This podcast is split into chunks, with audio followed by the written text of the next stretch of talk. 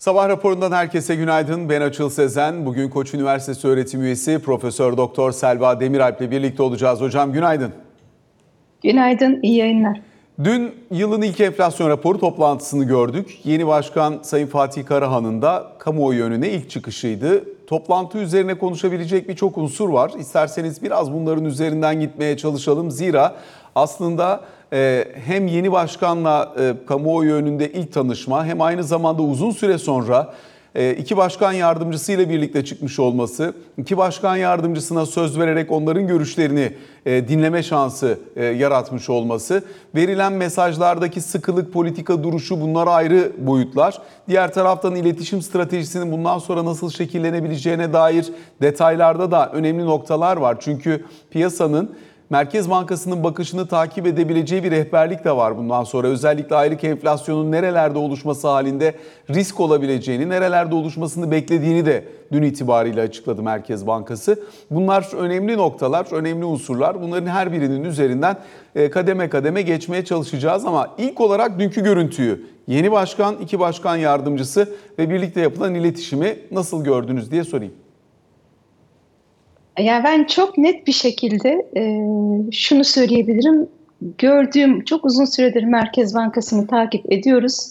E, bu enflasyon raporu toplantılarını takip ediyoruz. En net iletişimin olduğu, en kafamda parçaların oturduğu ve en rahat takip edebildiğim e, toplantıydı diyebilirim.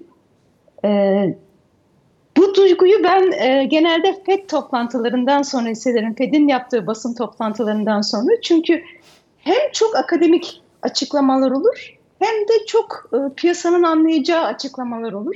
O dengeyi tamamıyla tutturmuşlardı. E, hem ileriye yönelik yönlendirmeler yapılması hem modellerin ne şekilde çalıştığı, Merkez Bankası'nın kendi içinde nelere baktığı, ne tür kriterlere baktığı, yani pek çok açıdan değerlendirdiğimizde başkan yardımcıları hani tamam Türkiye'de bir FED ya da Avrupa Merkez Bankası geleneği yok ve Merkez Bankası'nın başkan yardımcılarının öyle çok röportaj vermediklerini görüyoruz. Ama en azından onları hem e, sahnede gördük hem de süs gibi görmedik. Hani geçmişte de görüyorduk o başkan yardımcılarını ama hiçbir şey söylemezlerdi. Aktif bir şekilde onların da ufak ufak en azından e, söz almaya başlamalarını e, ben e, çok çok olumlu buldum. İlk değerlendirmem böyle olsun. Şimdi biraz önce söylediğiniz konu önemli hocam. Çünkü Avrupa Merkez Bankası'nda veya Fed'de tabii coğrafyaların büyüklüğü ve yapının farklılığından da kaynaklanan farklı bir yapı var. Yani Amerikan Merkez Bankası eyalet sistemiyle yönetilen bir ülkenin içerisinde farklı üretim motiflerinin olduğu çok sayıda bölgeye ayrılmış. Bu bölgelerin her birinin ayrı bir başkanı var ve kendi bölgelerini anlatmak, kendi bakış açılarını değerlendirmek üzere bir oylama sistemi üzerinden kendi kararlarını aktarıyorlar. Şimdi Amerika'nın iletişim dilimi bu nedenle biraz daha farklı gibi görünüyor. Fed başkanları konuşabiliyor. Kendi konuşmalarında kendi görüşlerini ifade edebiliyorlar ve bu konuda daha açık bir iletişim var. Avrupa zaten çoklu ülkeden oluşmuş bir merkez bankasına sahip olduğu için yine benzer şekilde oralardaki başkanların da farklı iletişim metodolojileriyle kendi görüşlerini beyan etme imkanları olduğunu anlıyoruz. Bizdeki yapı elbette daha farklı. Geçmişte de birkaç kez biz başkan yardımcılarının ama yıllar oldu. Başkan yardımcılarının kamuoyu önünde çıkıp konuştuklarını, zaman zaman bilgilendirme yaptıklarını gördük. Çok uzunca bir süredir görmüyorduk. Biz de başkan iletişimi de dahil olmak üzere yılda 4 tane düzenlenen enflasyon raporu toplantısında konuşurlar.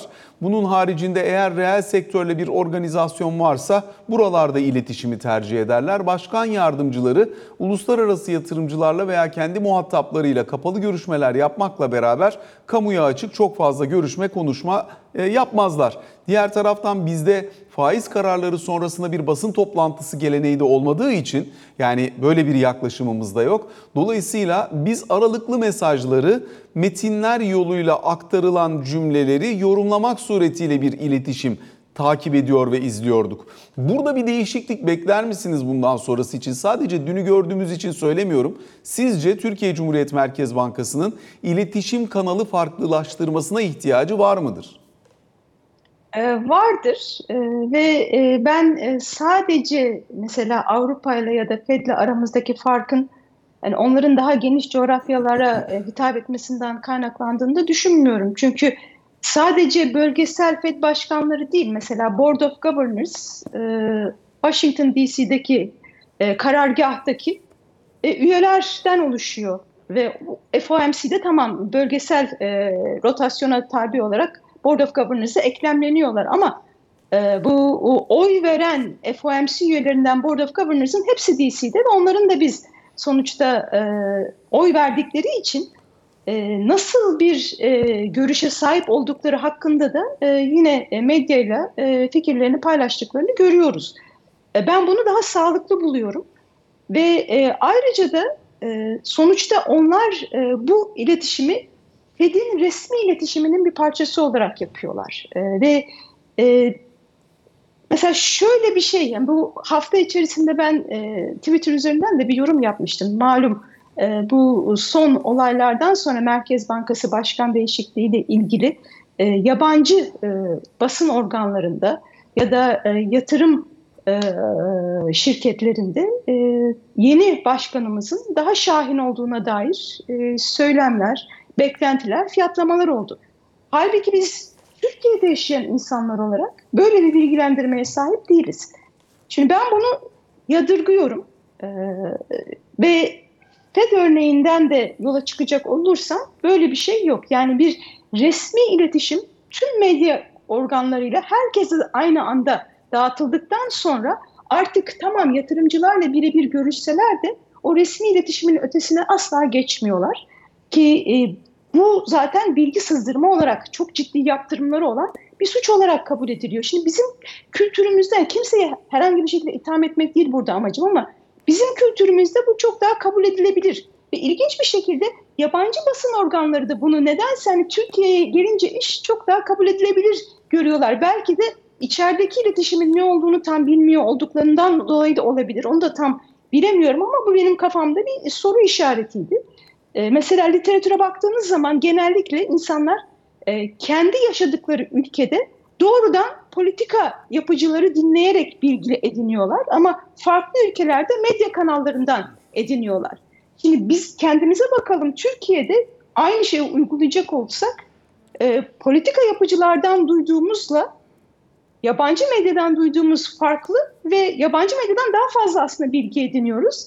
Bu bence bir sistemde e, çarpıklık düzeltilmesi gerekiyor e, ve e, resmi iletişimin parçası olması gerekiyor. Başkan yardımcılarının da görüşlerini öğrenmek bence para politikasının iletişimini zenginleştirecektir. Ve oradan hani sorunuza cevabına bağlayacak olursam çok iyi olur eğer bu yolda biz de ilerlemeye başlarsak. Keşke bizde de her toplantıdan sonra basın toplantısı yapılsa ve yine keşke e, bu toplantılarda da üçer üçer alınmasa da birebir soru cevap olsa. E, çok güzel ilerlediler iletişimde. E, bunu da yaparlarsa e, tam not vereceğim onlara. Hocam peki yani elbette Türkiye'de hani bizim bu konuştuğumuz şey daha önceki yönetimler tarafından görülmüyor ya da bilinmiyor değil. Sonuç itibariyle e, buradaki kısıtların temelinde yatan faktör e, siyaset merkez bankası ilişkisi arasındaki dengeyi kurabilme. Bunu biraz daha hassas bir e, boyutta olduğu için ve yıllar yılı böyle ilerlediği için oradaki dengeyi biraz daha e, ayarında tutabilme diyelim tırnak içerisinde. E, mesela dünkü iletişimin ardından bundan sonraki sürece dair e, biraz daha farklı unsurlara e, evrilmiş olabilir mi bakış açımız? Yani bunu şu açıdan da soruyorum. E, iletişim kanalı genişlediğinde örneğin Hatice Hoca'nın dün vermiş olduğu rezervler M2 oranı arasındaki e, baktıkları göstergenin seviyesinin optimal oranla ilişkisinde veya Cevdet Hoca'nın e, kendi konuşmanın son bölümünde yapmış olduğu tespitlerde %36'lık e, enflasyon hedefi beklentisi çerçevesindeki tespitlerde ya da Sayın Başkan'ın zaten kendi sunumu içerisinde farklı boyutlarıyla hemen hemen bütün konuları kapsayıcı bir niteliğe büründüğünü, kavuştuğunu anlıyoruz. E, o nedenle bundan sonra daha fazlasını ya da daha farklı bir boyutunu beklemek gerekir mi? Buralardaki daha önceki hassasiyetlerle şu anki durum arasında e, bir fark görüyor musunuz?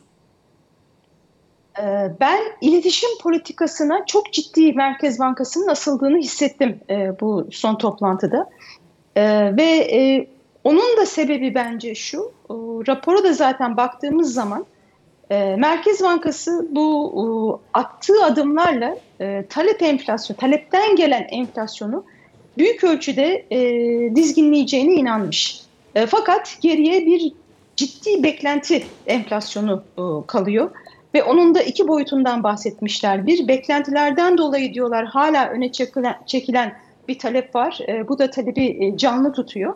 Ve bir de genel olarak fiyatlama e, davranışlarındaki yapışkanlık, e, atalet e, yine beklenti etkisiyle geliyor ve onu da en maliyetsiz bir şekilde çözebilmenin yolu e, güçlü bir iletişimden geçiyor. Şimdi Merkez Bankası'nın iletişimi e, iki aslında hedef kitlesi var. E, bir tanesi piyasa profesyonelleri, bir tanesi de genel halk. İşte prof, piyasa profesyonellerine daha teknik bir dille konuşmanız, attığınız adımları ya da verdiğiniz hedefleri e, tutturabilme ihtimalinin yüksekliğini onları ikna etmeniz, yine teknik bir dille yapmanız gerekiyor ki onlar yatırım kararlarında ya da fiyatlamalarda Merkez Bankası'nın koyduğu rakamları ciddiye alsınlar. Bir de genel halk var. Genel halk zaten e, teknik e, e, boyutunu Merkez Bankası'nın takip edemiyor ama onların da beklentileri çok önemli. Yani hane halkının enflasyon beklentisi de çok önemli. E, ve baktığımız zaman aslında tüketim kararlarında dolayısıyla da büyüme ve enflasyon etkisine baktığımızda bu genel halkın beklentilerinin daha da büyük bir rolü olduğunu görüyoruz. Şimdi Merkez Bankası bence e, bu beklentileri en hızlı bir şekilde kontrol altına alabilmek için tam saha e, elindeki bütün araçlarla e, çıkmıştı dün. E, bunu bir taraftan başkan e, e daha şahin bir kere e, daha uzun bir süre e, faizleri e, yüksek seviyede tutacağız eden aynı Powell'ın söylediği higher for longer'ın Türkçe e, versiyonunu e, görmüş olduk. İlave olarak e, çıktı açığını e, revize etmişler ve oradan hani sizinle de geçen geçtiğimiz yayınlarda konuşmuştuk. Hatta ben e, dergiye de bir e, yazı yazmıştım. Çıktı açığından geçen rapordaki e, geriye dönüp e, bir egzersiz yaptığımız zaman e, 2024 için e, 3.7 gibi bir büyüme çıkıyordu. Şimdi dünkü revizyonlardan sonra o büyümeyi 2024 büyümesini neredeyse 1.4'e e, kadar düşürmüş e, Merkez Bankası. Dolayısıyla e, daha yüksek seviyede, daha yüksek değil de mevcut seviyede daha uzun süre tutarak aslında e, ciddi bir şekilde ekonomiyi yavaşlatmayı göze aldığını görüyoruz. Şimdi bu başkandan duyduğumuz iletişim. İlave olarak da yine bu beklenti kontrolünde Cevdet Hoca'yı bence vitrine çıkarmışlar. Tamam en sondaydı ama bence o planlanmıştır diye düşünüyorum. Hani sinemalarda, tiyatrolarda bir e, büyük final, grand finale dediğimiz e, bir kavram vardır. Bence özellikle Cevdet Hoca'yı en sona saklamışlar. E, şimdi Cevdet Hoca'nın güçlü bir hitabet gücü var.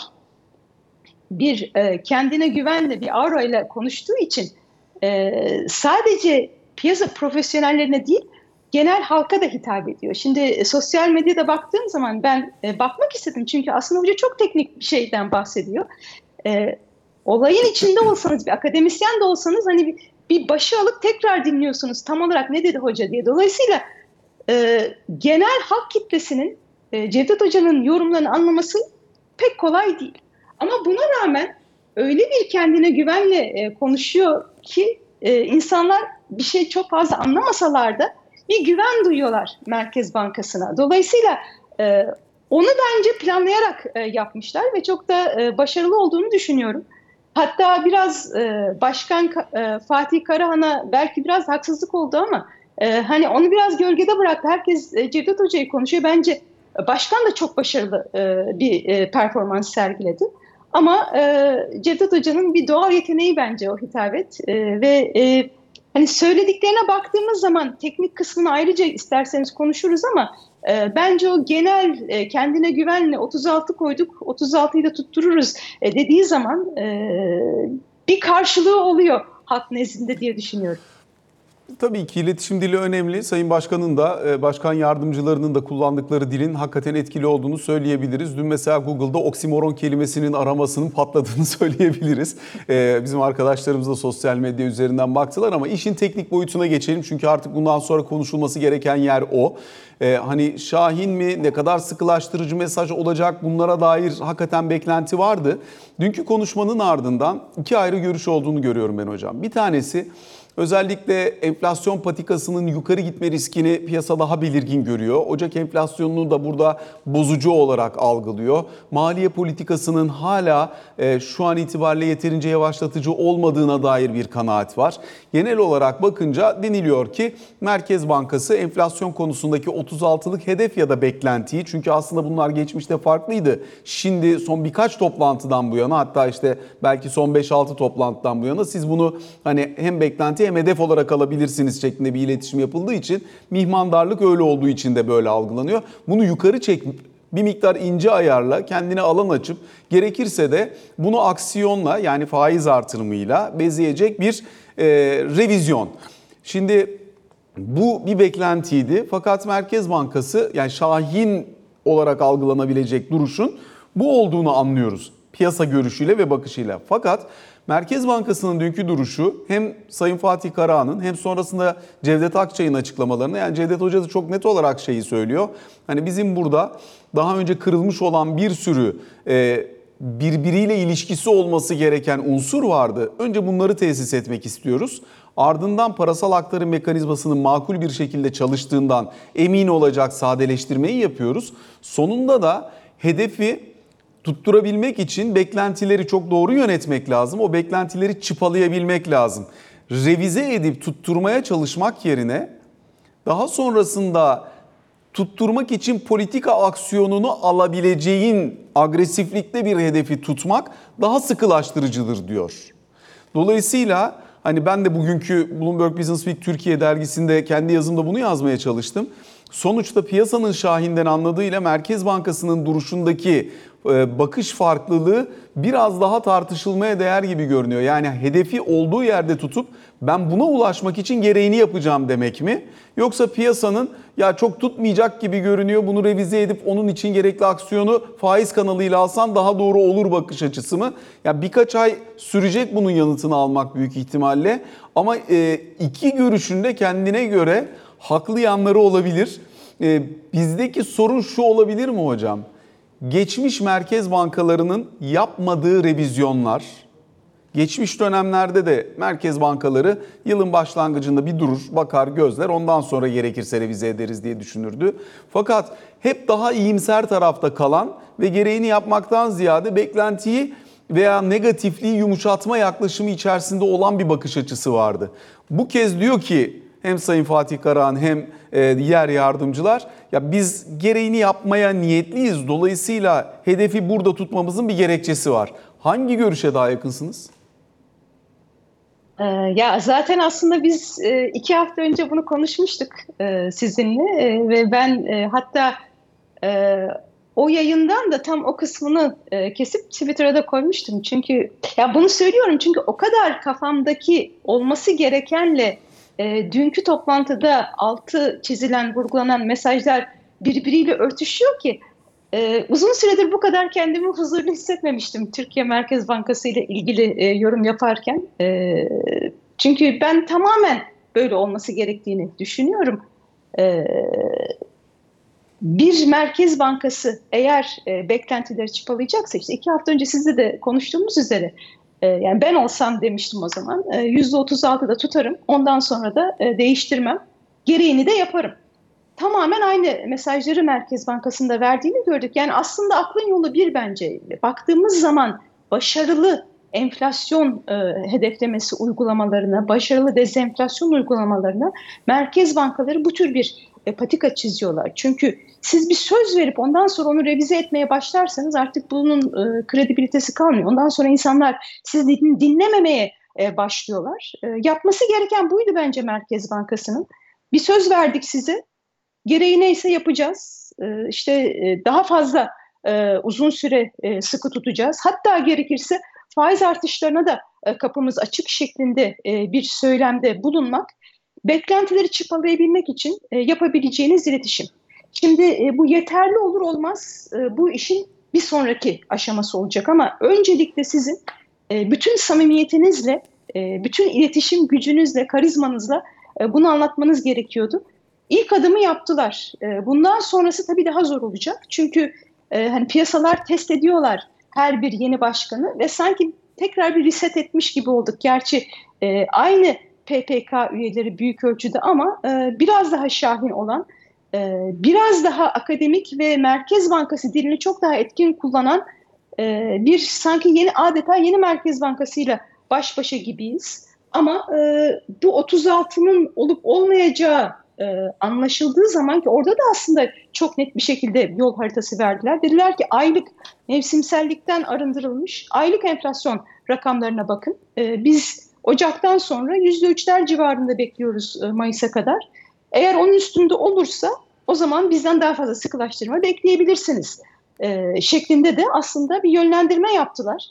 E, dolayısıyla bunu göreceğiz bakalım. Hani bu kadar net bir şekilde sözlü yönlendirme yaptılar ki e, bir önümüzdeki 3 ayın sonunda eğer e, aylık mevsimsellikten arındırılmış enflasyon ortalamada 3'ün üstüne çıkarsa o zaman bu sözünü hatırlatacağız tabii biz de Merkez Bankası'na. Bakalım o noktada nasıl ilerleyecekler ama şimdilik onlara bir kredi vermek e, gerektiğini düşünüyorum. E, Cevdet Hoca'nın e, teknik yorumlarını da biraz açacak olursak, üç şey söyledi bence e, Cevdet Hoca. E, bir tanesi e, aktarım mekanizması, e, işte geçmişten gelen e, e, regülasyonlarla e, koyulan e, işte rezervlerin bitmesi, sonuçta swap yapmamız, yani geçmişten aldığımız miras bizim şu anda e, faiz kanalını, aracını kullansak da aktarım mekanizmasına tıkanıklıklar e, yaratıyor diyor. Yani bir hortum düşünün biz e, açıyoruz musluğu ama düğüm olmuş dolayısıyla e, öbür tarafından öbür ucundan su akmıyor. Dolayısıyla şu ana bakıp da bizden daha fazla faiz artışı istemeyin. Çünkü biz önce o düğümü çözeceğiz ki e, mevcut e, verdiğimiz akışkanlık acaba e, diğer uca ulaşacak mı onu görmek istiyoruz diyor. Ve bundan dolayı da bir belirsizlik var. Yani bir model olarak düşünürsek Merkez Bankası'nın politika faiziyle bunun ekonomiye ne şekilde sirayet ettiğinin kat sayıları diyor çok zayıfladı. E, ve siz şu anda modellerde bu kat sayılarla hareket ederseniz bizden daha fazla faiz artışı isteyeceksiniz ama biz o kat sayıları güçlendireceğiz. Dolayısıyla sizin modellerinizde de böyle bir belirsizlik varken hani 3'ün 5'in hesabını yapmayın 36'yı da 38 yapın şeklinde hesaplarla e, vakit kaybetmeyelim. Bize bir şans verin e, ve e, daha güçlü katsayılarla tekrar karşınıza gelelim şeklinde bir iletişim yaptı. Ve hani benim de e, az önce de söylediğim gibi tamamen inandığım erişilebilir bir hedef verip ki 36'nın erişilebilir olduğunu düşünüyoruz diyor. Sonra da gerekeni yapacağız. Hani bize bir şans verin. E, ne lazımsa yapalım şeklinde. Başkan da çok benzer zaten e, sinyaller verdi. Tahmini değiştirmedik. Gereğini yapacağız diyorlar. Ve bir şey daha ekleyeyim. Yine benim e, çok hoşuma giden e, hani hep bir ödünleşmeden bahsedilirdi e, ve ben e, eski başkanın da o söylemlerini eleştiriyordum. Yani e, daha en başından siz e, büyüme ile enflasyon arasında illaki de bir ödünleşme olmak zorunda değil. Biz e, bu ikisini de beraber götürebiliriz dediğiniz zaman bu sizin aslında biraz ürkek bir şekilde hareket ettiğinizi, elinizi açık ettiği için ama tam e, öyle de söylememişti hocam. oluyor. Yani orayı açmak lazım. Plan bütçe komisyonundaki konuşmaya atıfla söylüyorsunuz anladığım kadarıyla. Orada tabii biraz e, hani meslektaşlarımız olduğu için kimseyi suçlamak istemem ama ekonomi bilgisi olmadığı için o e, şeyi takip eden gazeteci arkadaşların oradaki yansıma biraz yanlış oldu anladığım kadarıyla. Çünkü orada söylenen de aslında enflasyonun üzerindeki köpük 65'ten belki 40'lara gelene kadar bu herhangi bir ödünleşmeye mahal bırakmadan siz kendi hamlelerinizi yaparak düşebilir. Ama tabii ki belirli bir aşamadan sonra bu ödünleşme şart diye daha sonraki konuşmalarında bir önceki başkan Sayın Erkan da bunu e, buna açıklık getirdi. Bir sonraki enflasyon raporu toplantısında da açıklık getirmişti. Hani e, anladığımız kadarıyla şöyle de bir tablo var. Siz de biraz önce bahsettiniz. Dün de Sayın Karahan da modelleme konuşurken Sayın Akçay da benzer şeyleri söyledi. Ya eldeki modellerin çalışabilmesi için koşulların aslında işlevsel hale gelmiş olduğu bir ekonomiye ihtiyaç var. Önce buraları koşulları ortadan zorlayan koşulları ortadan kaldırmak lazım ki sonra modelin çalıştığından emin olup eğer bir fine tuning ince ayar gerekiyorsa bunu yapabilelim diyorlar. Ne dersiniz? Ee, yani ben e, o düzeltilmiş haliyle de o görüşe çok katılmıyorum. E, zaten şu anda da henüz köpük falan alınmış değil ekonomide Tabii. ama e, Fatih Karahan'ın e, söylemlerine baktığımız zaman mesela dedi ki e, kısa vadede e, sıkılaştırmanın ekonomi büyüme üzerinde bir yavaşlatıcı etkisi olacak. E, siz dedi e, uzun vadede e, para politikasında fiyat istikrarı sağlandığı zaman biz ancak büyümeye destek vereceğiz ama kısa vadede e, açık açık söyledi. Bence bu çok kıymetliydi. E, yani şu anda köpük yokken de yani bir kemer sıkma politikası var, bir acı reçete var. Ben nihayet bunun e, telaffuz edilmesinden çok memnun oldum. Yani bir şeyleri göze alıyoruz. Bunun bir maliyeti var. Ekonomi yavaşlayacak. Ama bize verilmiş bir görev var ve bunun bedeli eğer ekonominin yavaşlamasıysa da biz bunu yapacağızı ilk defa duyduk. Ee, ben o nedenle bunu çok takdir ediyorum. Çünkü bundan sonra artık e, evet bakın bir reçete var. E, maliye politikası da bana destek versin e, diyebilecek duruma geliyor Merkez Bankası. E, dolayısıyla ben iki başkanın söylemlerini yani basını zaten hiç hariç tutarak net bir şekilde birbirinden farklı olduğunu düşünüyorum o konuda. Anlıyorum.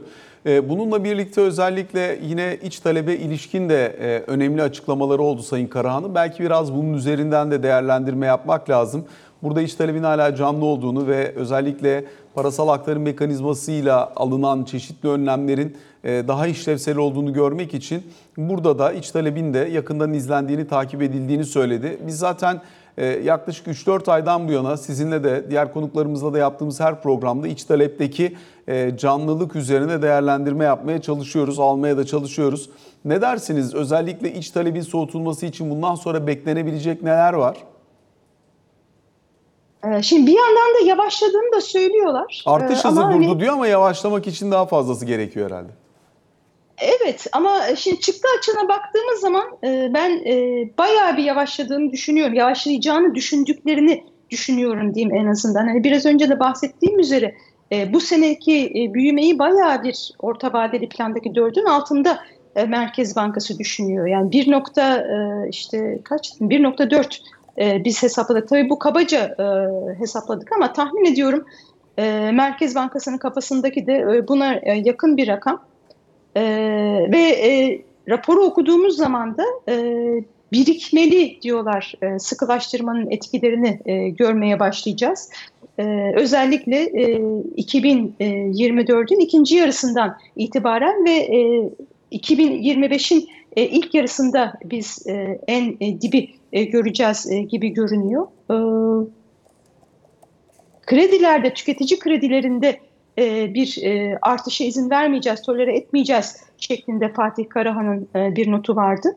Ama e, bir taraftan da diyorlar hani çok ani ekonomide bir yavaşlama olmasını da istemiyoruz. Bunu da e, ticari kredileri e, mümkün mertebe e, koruyarak e, devam ettireceğiz. E, bundan da başka e, ben e, zaten ellerimdeki araç e, faiz aracı olduğu için hani faizle kredi faizlerini arttırmak dışında e, çok fazla e, talebin dizginlenebileceğini düşünmüyorum. Ha şu olur, hani beklenti etkisiyle az önce de bahsettiğimiz üzere, hani Merkez Bankası yapabileceğini yapıyor faizle ama insanlar hep daha fazla enflasyon bekledikleri sürece öne çekilmiş bir talep oluyordu. İşte onu kırabilmek için zaten bütün ben dünkü e, o iletişime e, ayrılmış olan emeğin, özenin e, bundan dolayı olduğunu düşünüyorum. Çünkü bir kere insanları e, artık tamam Mayıs'a kadar enflasyon artacak ama ondan sonra da çok hızlı bir şekilde aşağı inmeye başlayacağı ikna edebilirsek en azından senenin ilk çeyreğinden sonra talebin kendi içerisinde artık daha fazla öne çekilecek bir durum gerekçelendirme kalmayacağı için yavaşlayacağını görebiliriz. Hocam çok teşekkür ediyoruz. Bu sabah bizlerle birlikte olduğunuz ve sorularımızı yanıtladığınız ben için kısa bir araya gideceğiz şimdi. Sonrasında Ali Can Türkoğlu ile ikinci bölümde karşınızdayız.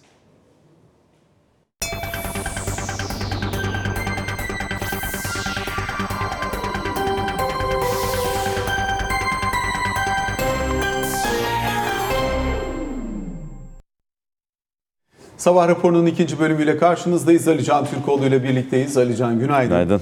Şimdi özellikle Türkiye'nin dış politikası açısından Amerika ile ilişkiler önemli. Dolayısıyla Amerika Birleşik Devletleri ile İsveç'in NATO üyeliği sonrasında beklenen ana gelişme F-16'ların modernizasyonu ile ilgili kararın çıkmasıydı. Burada sona yaklaşıldığını anlıyoruz. Evet 79 F-16 modernizasyon kiti var. 40 tane de e, F-16 Blok O-70 savaş uçaklarından var.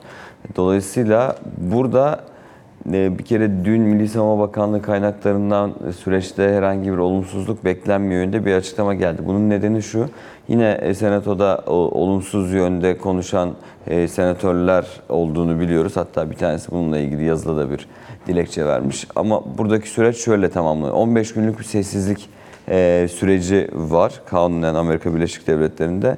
Bu da yarın doluyor. O 10 Şubat yarın doluyor.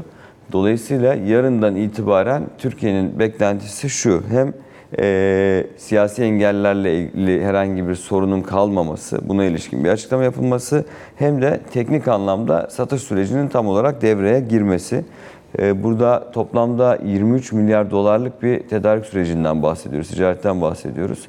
Bu kapsamda e, tabii önlerinde Türkiye'den önce alınan bir takım te, e, siparişler de var. Bir takım yapılması gereken teslimatlar da var. E, dün konuştuğum isimler muhtemelen 3 yılı bulur e, Türkiye'ye bu işin teslimatının gerçekleşmesi deniyor. Ama beklenti F-16'larla ilgili beklenti yarın e, sürecin, sessizlik sürecinin tamamlanmasıyla beraber resmi açıklamaların gelmesi ve Türkiye'ye F-16 hem F-16 satışı hem e, mevcut F-16'ların modernizasyonu ile ilgili olarak Amerika Birleşik Devletleri'nde resmi sürecin, satış sürecinin resmen başladığı ile ilgili açıklamanın yapılması. Sonrasında da yani hemen sonrasında değil ama bir yandan da diyeyim F-35'lerle ilgili olarak da görüşmeler devam ettiriliyor şu anda Amerika Birleşik Devletleri ile Türkiye arasında. Burada da özellikle e, bir maddi zarar var şu anda Türkiye'nin içinde bulunduğu. Bunun tazminiyle ilgili olarak ne gibi adımlar atılabilirinin iki ülke arasında konuşulduğu söyleniyor. Son dönemde özellikle İsveç süreciyle beraber Türkiye ile Amerika Birleşik Devletleri arasındaki ticari ilişkiler anlamındaki süreç daha olumlu. Ee, Bu olumlu süreç devam edecek mi? Devamında farklı adımları da getirecek mi? Bunları göreceğiz. Burada özellikle dediğim gibi beklenti F-35. Ee, Amerika'yı konuşmuşken Bunu beklemek lazım mı? Çünkü hani e, oradaki koşullar ve üzerine yapılan çeşitli yorumlar var. Çünkü F-35'e eğer yani bu hani Victoria Nuland tarafından da dile getirildiği için daha önce e, biraz daha üzerine somut konuşabiliyoruz. Hani eğer bir şekilde Türkiye'deki S-400'lerin e, dost müttefik başka bir ülkede, başka bir yerde konumlandırılması üzerine çalışma olabilirse o zaman F-35'e geri dönüş de söz konusu olabilir diye. Bu son aşama programa geri dönüş. Ee, yani F-35 programına geri dönüşle ilgili süreç. Ee, tabii bugünden yarına gelecek seneki dış, şey dış politikayı konuşamıyoruz belki ama e, maddeler arasında yani düşünülen maddeler arasında yer aldığını söyleyebiliriz. Ama şunu hatırlamak gerekiyor. Türkiye'nin S-400 alımında neden Rusya'dan S-400 alımına ihtiyaç duyulmuştu? O dönem için Türkiye'nin Amerika Hava Birleşik. Devletleri'nden talep ettiği hava savunma sistemi talebinin karşılanmaması nedeniyle zaten Rusya'dan bu alımın gerçekleştiği bizzat açı- resmen de açıklanmıştı zaten. O yüzden bu önümüzdeki süreçte hava savunma sistemi görüşmeleriyle ilgili olarak farklı bir noktaya mı gelinir? Önce ona soru, önce bu sorunun cevabının verilmesi lazım. Yani Türkiye S-400 dışında bir hava savunma sistemi alımı ile ilgili olarak bir görüşmeye resmen başlarsa o zaman bunu biraz daha net konuşabiliriz. Ama bildiğim kadarıyla şu anda öyle bir durum söz konusu değil. Ama F-35'lerde Türkiye'nin ödemiş olduğu bir meblağ var, bir e, ödeme var. Bunun geri alınması veya bunun tazmin edilmesiyle ilgili olarak görüşmelerin yapıldığını biliyoruz iki ülke arasında. Ee, onun dışında Amerika'yı söylemişken şunu da eklemekte fayda var bence. Çünkü bütün hafta boyunca da konuştuk. İsrail ile ilgili süreçte Netanyahu'nun son yapmış olduğu açıklamalar. Yani geçtiğimiz akşam 20.30'daki basın toplantısında Hamas'ın e, onaylamış olduğu veya Hamas'ın desteklediği ateşkes süreciyle ilgili 3 aşamalı planla ilgili olarak buna imza atmayacaklarını, askeri e, sürecin ve baskının devam edeceğini söylemişti Netanyahu. Hatta orduya, İsrail ordusuna e, refaha da bir operasyon yapılması konusunda hazırlık yapmalarının talimatının verildiğini söylemişti. Şimdi dün Amerika'dan iki açıklama var. Hem Dışişleri Bakanlığı Sözcü Yardımcısından hem de John Kirby'den e, refaha yapılacak e, bir askeri operasyon çok daha büyük bir felakete yol açabilir. Arada planlı, plansız bir operasyon deniyor. Yani planlı olursa izin verilir anlamı da çıkabilir bundan ama şunu söyleyebilirim en azından bu sabah itibarıyla. Ee, Amerika Birleşik Devletleri şu anda İsrail ordusunun refaha yapacağı bir askeri operasyona destek vermiyor.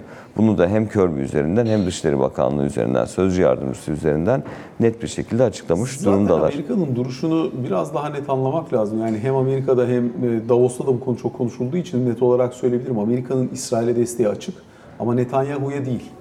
Dolayısıyla aradaki farkı hakikaten görmek lazım. Netanyahu'dan çok haz etmediğini anlamak lazım oradaki yönetiminde. E, hatırla e, ki konuştuk diye de e, hatırlıyorum ben. Biden'ın çok uzun bir süre özellikle e, Gazze'ye yapılan saldırılar sonrasında ve bu saldırıların neticesinde Gazze'nin yeniden imarı ve saldırıların tamamlanıp e, İsrail ordusunun Gazze'den çekilmesi ile ilgili olarak Netanyahu ile aynı fikirde olmadığı ve hatta uzun bir süre ki son dönemde de görüştüler mi bilmiyorum. Blinken'la Netanyahu arasında bir görüşme oldu. Biden'la Netanyahu arasında bir görüşmenin de olmadığı e, yönünde bilgi var. Dolayısıyla verdiğin bilgi e, doğru ve önemli.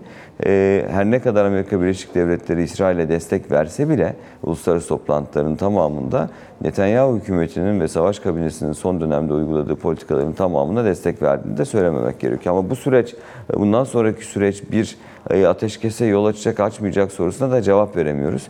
Bu arada hala Hamas heyetinin Kahire'de olduğunu ve hatta yapılan açıklamalarda da e, bu ateşkes planla ilgili olarak İsrail tarafıyla da görüşmelerin sürdüğü yönünde bir açıklama yaptıklarını da hatırlatmakta fayda var. Alican çok teşekkür ediyoruz. teşekkür Sabah ederim. raporuna böylelikle son noktayı koymuş oluyoruz. Hoşçakalın.